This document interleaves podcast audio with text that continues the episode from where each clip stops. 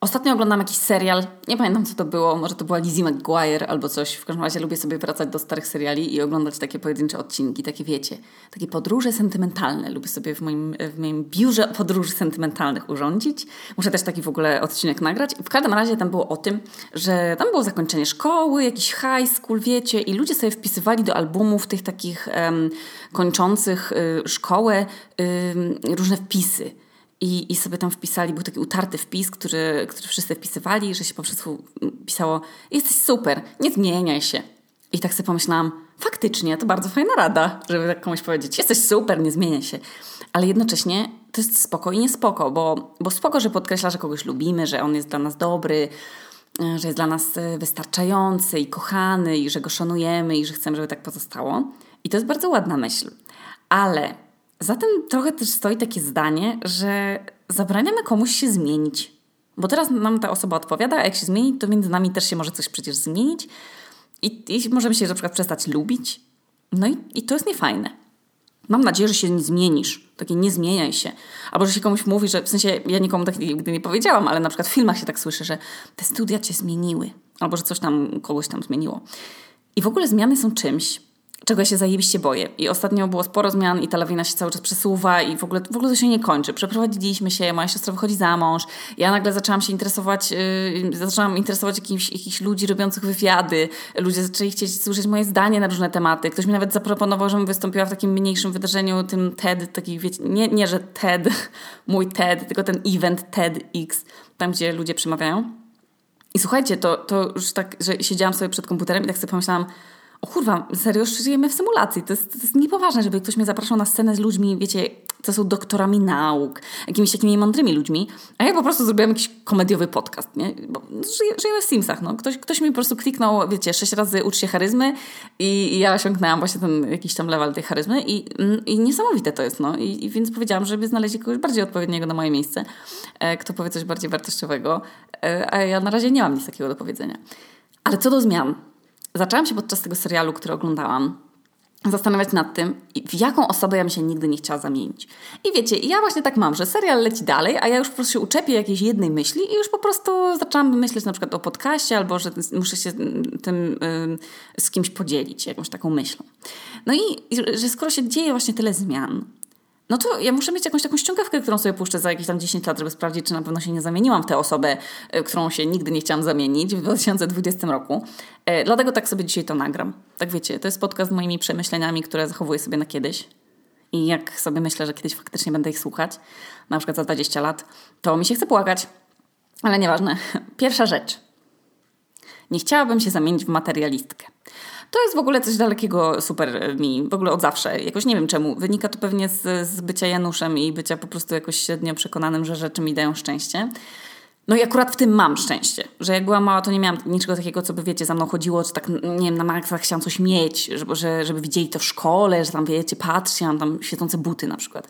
E, jak byłam w gimnazjum, to były takie buty najmodniejsze, coś się nazywało Air Maxy. Teraz wszyscy noszą, wiecie, Sam Smith buty, a kiedyś, uwierzcie, e, się nosiło Air Maxy takie kolorowe i tam im bardziej się miało kolorowe te buty, tym bardziej było, że rodzice mają hajs i luz. E, żeby te tam buty dzieciakom kupować. Niektórzy mieli po kilka par. A ja na szczęście byłam wtedy emo, czyli gardziłam po prostu obuwiem sportowym i nosiłam czarne trampki. E, natomiast gdybym była sportowym dzieckiem, no to bym pewnie marzyła o tych Air Maxach kolorowych. I słuchajcie, skupiam wątek. W każdym razie, ja, ja się jakoś tak całe szczęście jako nastolatka interesowałam głównie y, literaturą, poezją, muzyką, smutkiem, y, na przykład bardziej niż modą, y, więc dużo pokus takich materialnych mnie y, zazwyczaj omijało. No i teraz mam takie szczęście, że kupowanie sobie czegoś w ogóle jakoś nie łechczy mi tego miejsca w mózgu zwanego, związanego z przyjemnością, więc ja nie mam tak, że jak mam zły humor, to idę sobie coś kupić nowego i najlepiej drogiego i tylko dlatego, żeby mieć to posiad- i posiadać. E, nie ma też jakiejś, nie ma takiej we mnie rzeczy, która jakoś by mnie tak, że jakby mi, wiecie, ją odebrali, to ja bym po prostu leżała na, na ziemi i płakała. Mam jakiś taki oczywiście sentymentalny stosunek do rzeczy, mm, na przykład na, do poszewki, poszewki na poduszkę w psy, którą mi babcia Anielcia kiedyś uszyła, albo albo mam takie skarpety, które mi babcia zrobiła na dużutach. One już są za małe, ale ja i takie trzymam. Albo do pierścionka od rodziców na osiemnastkę, wiecie, albo zaręczynowego. No to są takie rzeczy uczucia bardziej związane z brakiem tego przedmiotu. E, to, to, to, to, to jest bardziej związane z, z tą masą wspomnień i te rzeczy po prostu mają dla mnie taką wartość energetyczną dobrą.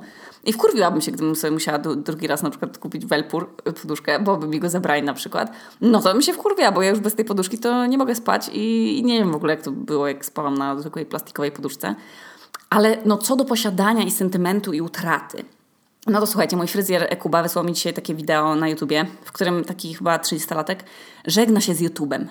I on mówi, że on zamyka kanał, no bo jest mocno poruszony tym i, i widać, że on, jemu jest źle, no i on tak cierpi. I całe to zamknięcie tego kanału wynika z faktu, że on ten kanał robił o klockach Lego. No bo to jest jego pasja, on kupował te różne zestawy, tworzył z nich y, te makiety, te dioramy, takie tam scenki układał e, i jakieś tam maszyny, statki i później po prostu to pokazywał innym ludziom w internecie. No nawet nie miał reklam na, jakimś, na tym swoim kanale, w ogóle nie zarabiał na tych reklamach, e, na tych filmach. I słuchajcie, jak ktoś, kto, ja, ja nie wiem, jaki to musi być człowiek, w sensie nie mogę sobie wyobrazić tego, nie mieści mi się to w głowie. E, ktoś mu się włamał do domu i zniszczył ten jego pokój pełen Lego. I nic nie ukradł z mieszkania. Po prostu wybił okno, wszedł do mieszkania i zniszczył czyjąś pracę i pasję i czyjś ten rok z życia. I już się nie da się przecież tak y, samo tego poukładać. Przecież to lata zajmuje, no. I ta osoba już nigdy nie zapomnie, że ktoś tak zniszczył po prostu złośliwie jej pasję. I słuchajcie, ja tak płakałam w tym filmie. No bo było widać, że autentycznie temu panu jest tak przykro. I jak w ogóle można coś takiego zrobić komuś? I on kupował to Lego po prostu jak zły, no ale nie z potrzeby, wiecie, materialnej posiadania i nie z rządzy posiadania, tylko z fanu, jakiemu dodawało to składanie tego Lego. Jezu, więc no ja nie chciałabym się po prostu nigdy, nie chciałabym się zamienić w materialistkę. Nie muszę mieć nowych rzeczy. Przede wszystkim chodzi mi o jakąś taką potrzebę kierowania swoimi decyzjami, e, biorąc pod uwagę te pieniądze i dobra materialne ja jestem chyba po prostu tą frajerką, no bo ja nie mogę skumać, po co gwiazdom na przykład takie domy za 10 milionów dolarów. I co oni tam kurwa robią? Co, co mogą robić? Co tam jest innego? Jaką nie wiem, lepszą funkcję domu ma dom za 10 milionów dolarów niż kurwa 2 miliony dolarów? Czemu 10 milionów? Przecież to jest kurwa grzech. Ludzie głodują, a oni mają dom za 10 milionów. W ogóle, że mi jest głupio. Nie wiem, ja się tylko irytuję, weźcie. No i tego, tego nie chciałabym nigdy zmienić w sobie i bym chciała być w tej kwestii sobie wierna. Kolejna rzecz – kim nie chciałabym się stać w przyszłości, w kogo się tam zamienić, to jest osoba, która jest tak radykalna w swoich poglądach, że nie widzi poza swoim zdaniem zdania innych ludzi. I mam obecnie takie przekonanie, które teraz uważam za słuszne, że radykalizm w żadnej kwestii nie jest dobry, bo w ogóle to, to wyklucza otwarcie oczu na to, że się wszyscy różnimy i, I tak będzie zawsze i nikt nie ma na to wpływu, bo, bo różnimy się wszystkim, no, sytuacją materialną, miejscem, w którym mieszkamy, historią rodzinną, y, nie wiem, no, y, religią, czy się wychowaliśmy w religii, czy bez religii. No wszyscy się kurwa różnimy, więc to jest niepojęte i niemożliwe, żebyśmy wszyscy mieli takie samo zdanie na jakiś tam temat. Albo żeby czyjeś zdanie było lepsze niż zdanie osoby, która jest na przykład religijna i ma zupełnie inne y, podejście do jakiegoś tematu.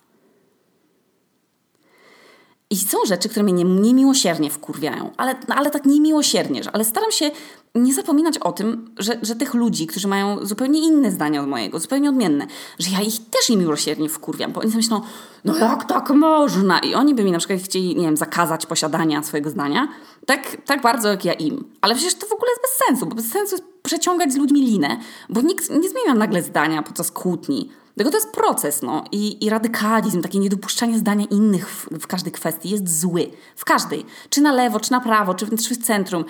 Po prostu to jest bardzo złe, no. I może nam się wszystkim, wszystkim, wiecie, wydawać, że my niesiemy słuszną misję, że mamy wszystko przemyślane, a i tak gdzieś w jakimś ludzkim umyśle w ludzkim umyśle jest tak, bo my mamy umysł głup, ludzki i głupi, no i nawet najświętsza osoba na świecie ma pod tymi wszystkimi zwojami mózgu ukryty taki guzik, który się nazywa A nie mówiłam.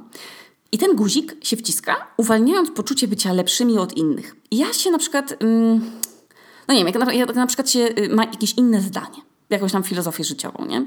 No to bardzo zajebiście trudno nie mieć włączonego przycisku czucia się lepszym od innych. Takim bardziej oświeconym, albo bardziej równościowym, albo że się ma bardzo bardziej otwartą głowę od innych. I z tego właśnie przycisku czucia się lepszym od innych się rodzą na przykład takie określenia jak ciemnogród to w ogóle po, podobno powstało w XVIII wieku to stwierdzenie. Przynajmniej taką ciekawostkę e, przeczytałam kiedyś. A to określenie funkcjonuje do dzisiaj i się go używa po prostu, żeby obrazić na przykład jakąś opcję polityczną, albo jak ktoś ma, nie wiem, inne zdanie o in vitro, albo o związkach jednopłciowych, albo o ekologii, albo o, nie wiem, body positive, no o czymkolwiek. I to jest chujowe. bo to zdanie wynika z tego przycisku czucia się lepszym od innych. I to jest fatalne. I z tego wynika też na przykład rasizm. I z tego powodu, z tego, z tego powodu tego przycisku w mózgu. Włączenie albo w ogóle wyrwanie tego przycisku z bani jest w ogóle niemożliwe. W sensie serio. Ja się, ja się starałam nawet przed nagrywaniem sobie znaleźć jakiś taki os przykład osoby, która się nie czuje lepsza od innych. Nawet odrobinkę. Tak odrobinkę. Jak, jak nam spadnie to nasze ja idealne, z którymi my jesteśmy tacy, o, taki, jesteśmy tacy otwarci, tacy równościowi, tam tolerancyjni. I, ale ten przycisk jest i był i będzie. I jak już tylko się po prostu go zauważa, na przykład ja to zauważyłam po dwóch sytuacjach w moim życiu, Pierwsza była taka, że ja miałam w swojej młodocianej historii etap intensywnych ćwiczeń i takiego kontrolowanego, zdrowego jedzenia. I słuchajcie, na mój przycisk bycia lepszą od innych, od tych leniwych, co tam nie mają czasu. Ja wstaję tu o 6 rano przed zajęciami, więc jestem od nich wszystkich lepsza i bardziej się staram. I oni tylko szukają wymówek. Po prostu lenie. I to samo z jedzeniem zdrowym, że ci wszyscy ludzie, co pakują na taśmę, wiecie, przetworzą żywność. A fe, co za niewyedukowane społeczeństwo. Jogurt słodzony słodzą. Ech i ciastka markizy. Ja wam dam kurwa na, przy, przepis na fit ciastka z kaszy jaglanej i kremu z awokado.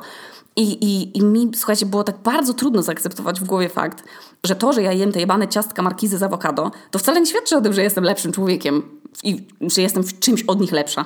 To świadczy tylko o tym, że ja jem jebane markizy z awokado i koniec tematu. I tak samo jest z zero waste i tak samo jest z weganizmem i z wszystkim innym. Jakby przestańmy się poprzez swoje wybory życiowe czuć lepsi, lepszymi od innych, bo w ogóle nie znamy absolutnie tła tych ludzi. Ugh. No.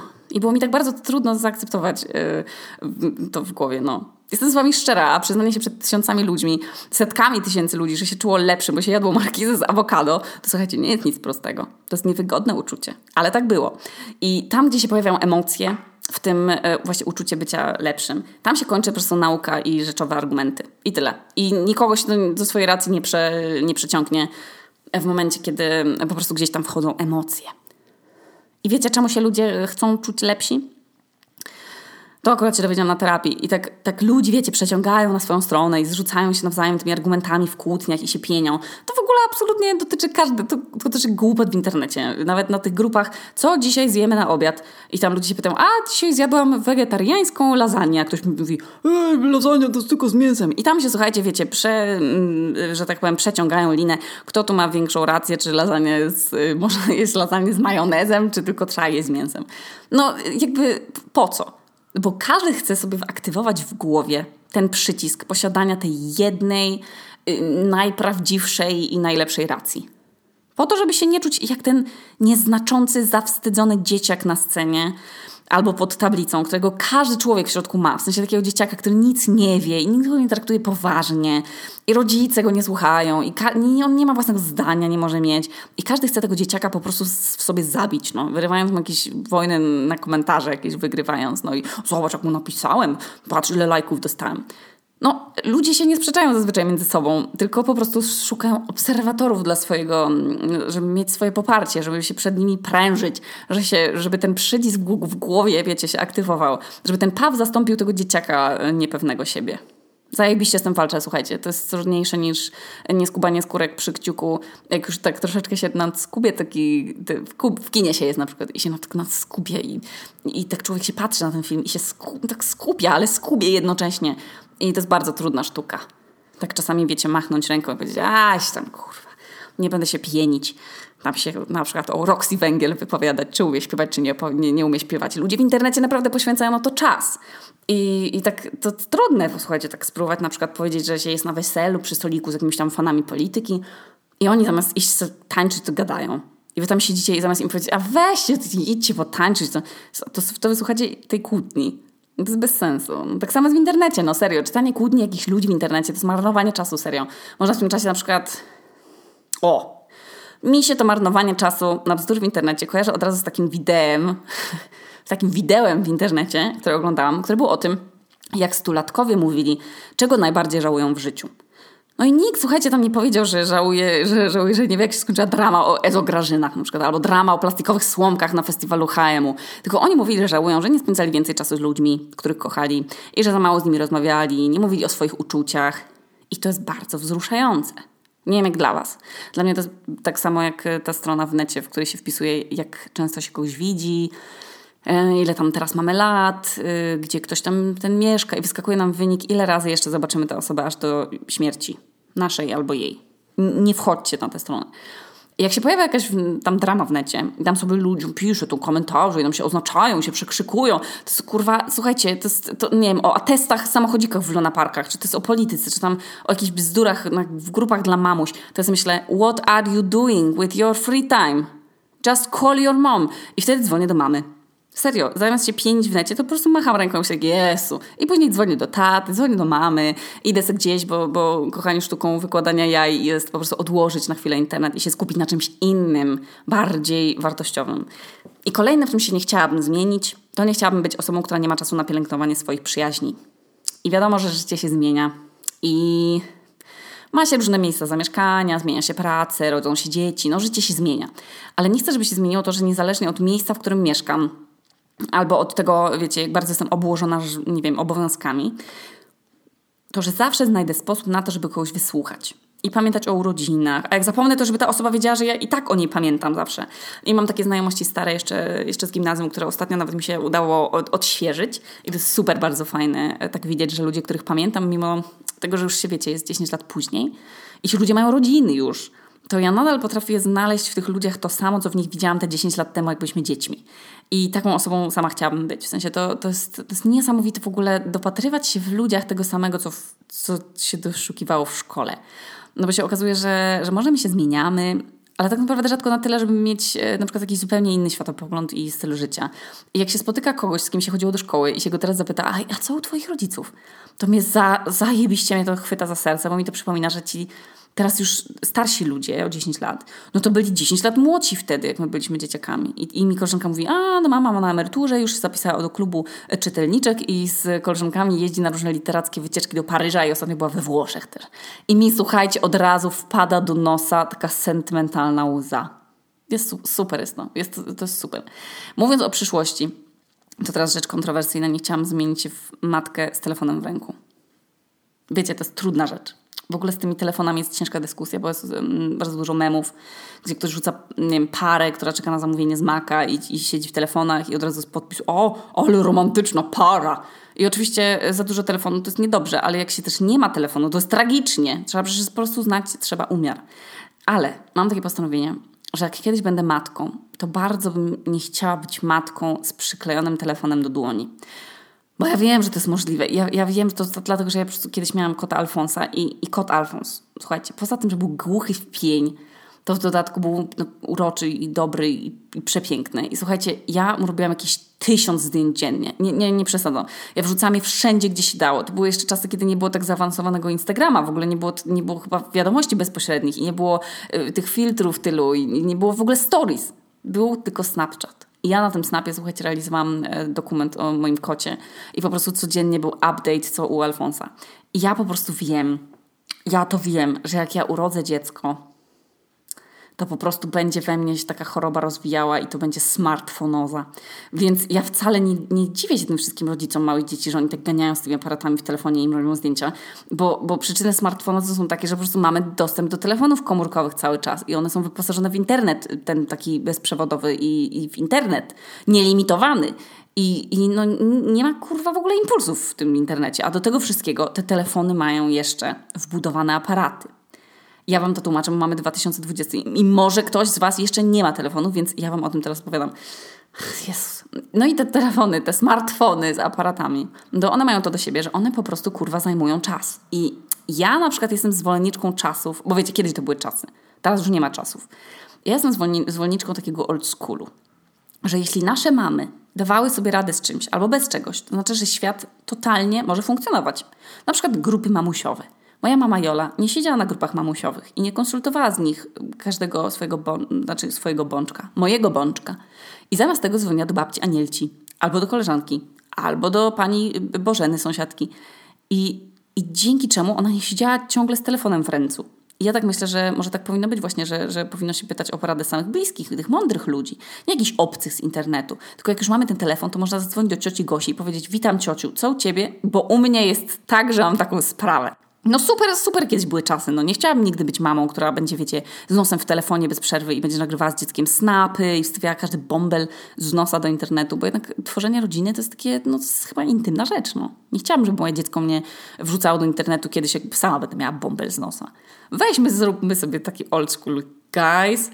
No i ostatnia rzecz, e, kim bym się na maksa nie chciała stać. O Jezu, to jest związane z byciem nieobecnym człowiekiem. Myślę, że w ogóle każdy się boi tym stać ale nikt tak no, no, o tym nie myśli. Czyli być takim człowiekiem, który nie ogarnia kuwety, którą to, dookoła siebie ma. W sensie jest, jest dookoła ludzi, idzie z nimi gdzieś, wszyscy siedzą, czekają na jedzenie, gadają jakieś tam urodziny, czy jest coś, a ta osoba jest w telefonie. I to nie chodzi tylko o, wiecie, bycie w telefonie, bo snapchaty, tylko na przykład jeszcze gorzej, że na przykład musi coś zrobić do pracy. Nie. Spędzanie czasu z innymi ludźmi jest tak ważne. Jak myślę w ogóle o tych starcach, co się zwierzają przed śmiercią, że trzeba spędzać z ludźmi czas w ogóle w życiu jest tak, że dopiero jak się nam coś w życiu naprawdę wypierdoli, a wydarzy się, albo, albo się wydarzy coś naprawdę, jakaś taka tragedia, która nam obraca życie do góry nogami, to jest wieczór i przychodzi tam myśl, że jeszcze rano, jak się budziliśmy, jeszcze wczoraj, wszystko było po staremu. I nie było czegoś, czy tam wypadku, czy diagnozy, czy coś. No, no kurwa, no, niczego się nie spodziewaliśmy. Dlatego nie wiadomo nigdy, kiedy można będzie się z kimś spotkać, z kimś porozmawiać, zadać mu pytanie, a jaką ty właściwie najbardziej lubisz pizzę? Neapolitańską czy na cieście grubym, e, puszystym? Jeśli się spędza całe życie poza świadomością i poza uważnością, i to nie wynika w ogóle nic dobrego z tego, bo się człowiek nie skupia na tym, co przeżywa, a później przychodzi taki wieczór, o którym mówiłam właśnie przed chwilą, że się mówi, że czegoś się żałuje. I, I że się właśnie kogoś nie spotkało, albo się kogoś nie wysłuchało. Dlatego za każdym razem, jak ja przyjeżdżam do Polski, to mnie nie ma w telefonie. Amadeusz normalnie czeka do samego końca dnia, żebym do niego zadzwoniła i, i mu opowiedziała, co się działo. Bo jak ja się widzę z przyjaciółmi, to ja ten telefon odkładam i w ogóle nie wiem, on gdzieś leży i nic mnie nie interesuje. Poza osobami, z którymi wiem, że, że się mogę, nie, nie mogę widzieć codziennie, no to faktycznie staram się telefonu nie używać. I T-Mobile, słuchajcie, zrobiło takie badania, w których wyszło, yy, teraz uwaga Janina, jeśli tego słuchasz, Janino Bong, fanko statystyki, wytęż słuch. T-Mobile y, zrobiło badania i wyszło, że 55% respondentów w wieku 18-34 lat przyznaje, że czuło się ignorowanym przez partnera ze względu na korzystanie ze smartfona. Kumacie to? I teraz, czy ja jestem zdziwiona? Ja jestem zaskoczona, że tylko 50% i to jest zaskoczenie pozytywne. Jest też drugi ciekawy wskaźnik. 40% respondentów w wieku 18-34 uważa, że ich partner bądź partnerka spędza zbyt dużo czasu korzystając z telefonu, kiedy są razem, przebywają razem. 40%. Ja bym chciała, żeby w tej ankiecie jeszcze oni pytali na przykład, czy robią sobie z tego nawzajem kłótnie, czy to ignorują, czy wtedy sami chwytają za telefon, bo to, bo to, bo to dopiero jest problem. No. Bo smartfon nam się pozwala ukryć za nim, na przykład w autobusie albo w metrze. Telefon jest super, bo pozwala nam nie spędzać czasu z ludźmi. I to jest bingo. Ale to ma plus tylko wtedy, kiedy nie spędzamy go z ludźmi, z którymi spędzać go nie chcemy. Na przykład w samolocie, zamiast dyskutować z panią obok przez 8 godzin. Jak to jest w ogóle niezręczne, tak się patrzeć na ludzi w metrze. Jak się telefon rozładuje, to dopiero trzeba szukać zajęcia, zajęcia żeby, wiecie, jeszcze z kimś, nie daj Boże, nie, nie popatrzeć się, w kontakt wzrokowy nie wpaść. I wtedy smartfon cool w ogóle no, wspaniały wynalazek. Ale jak do tego dochodzi ta wizja, wiecie, nas jako starców w tym, w tym emocjonalnym wideo, że żałujemy, że nie spędziliśmy z kimś wystarczająco dużo czasu, no to wtedy smartfon powinien iść do kieszeni, no. I, ja, ja, ja, nie wiem, cały czas myślę o tych filmikach z seniorami i bardzo nie chciałabym się stać osobą, która nie poświęca komuś czasu albo swojej uwagi, e, czy to właśnie Amadeuszowi, czy mamie, czy przyjaciołom, a później być starcem i tego żałować. Telefon jest super w łazience, jak sobie można nim zająć czas. Super jest w pracy, jak trzeba pracować, a się ma smartfon, to można nie pracować. To wtedy jest super.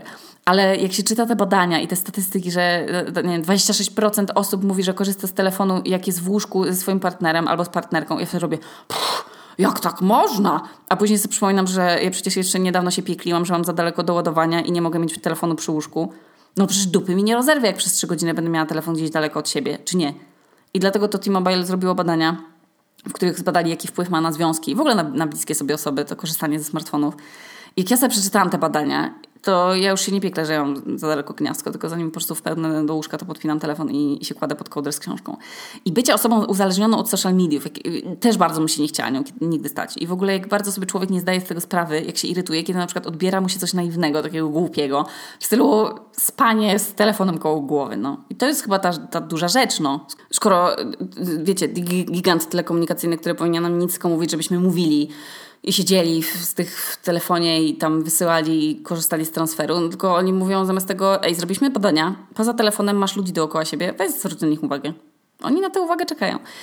No i ostatnia rzecz, w jaką bardzo nie chciałabym się zmienić, to osobę, której nic już nie interesuje. Że na starość tak bardzo mnie chciała zgnuśniać. Wiecie, że mi nie będzie na przykład się chciało robić nic, ale też, że też nic nie będzie mnie ciekawiło tylko się tak na starość na przykład zafiksuję na polityce właśnie i będę tylko w polityce siedziała, albo i tylko będę o tym wiecznie rozmawiała i o niczym innym, tylko o wyborach, albo o, nie wiem, no nie będę miała o niczym, niczego, czym się będę mogła interesować. Bardzo się tego boję, e, bo wiem, jak to niszczy człowieka i, i się wtedy człowiek samotny staje, a ja mam taką samą tendencję do samotności i, i lubienia przede wszystkim samotności.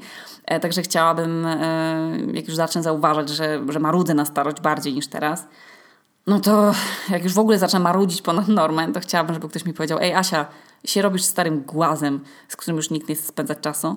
E, I wtedy chciałabym mieć właśnie tych przyjaciół, którymi, z którymi będę pielęgnować te relacje i oni mnie odgłaźnią, bo mi o tym w porę powiedzą. No. Także mam nadzieję, że wszystkie te rzeczy sobie zapamiętam.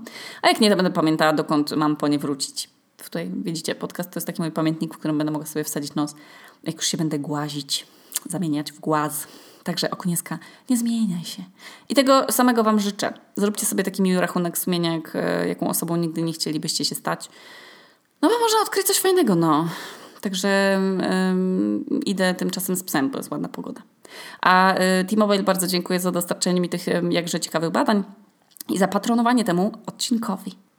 Tu Okuniewska z, piw- z nadpiwniczki w Reykjaviku, a to był odcinek o tym, kim nie chciałabym się stać.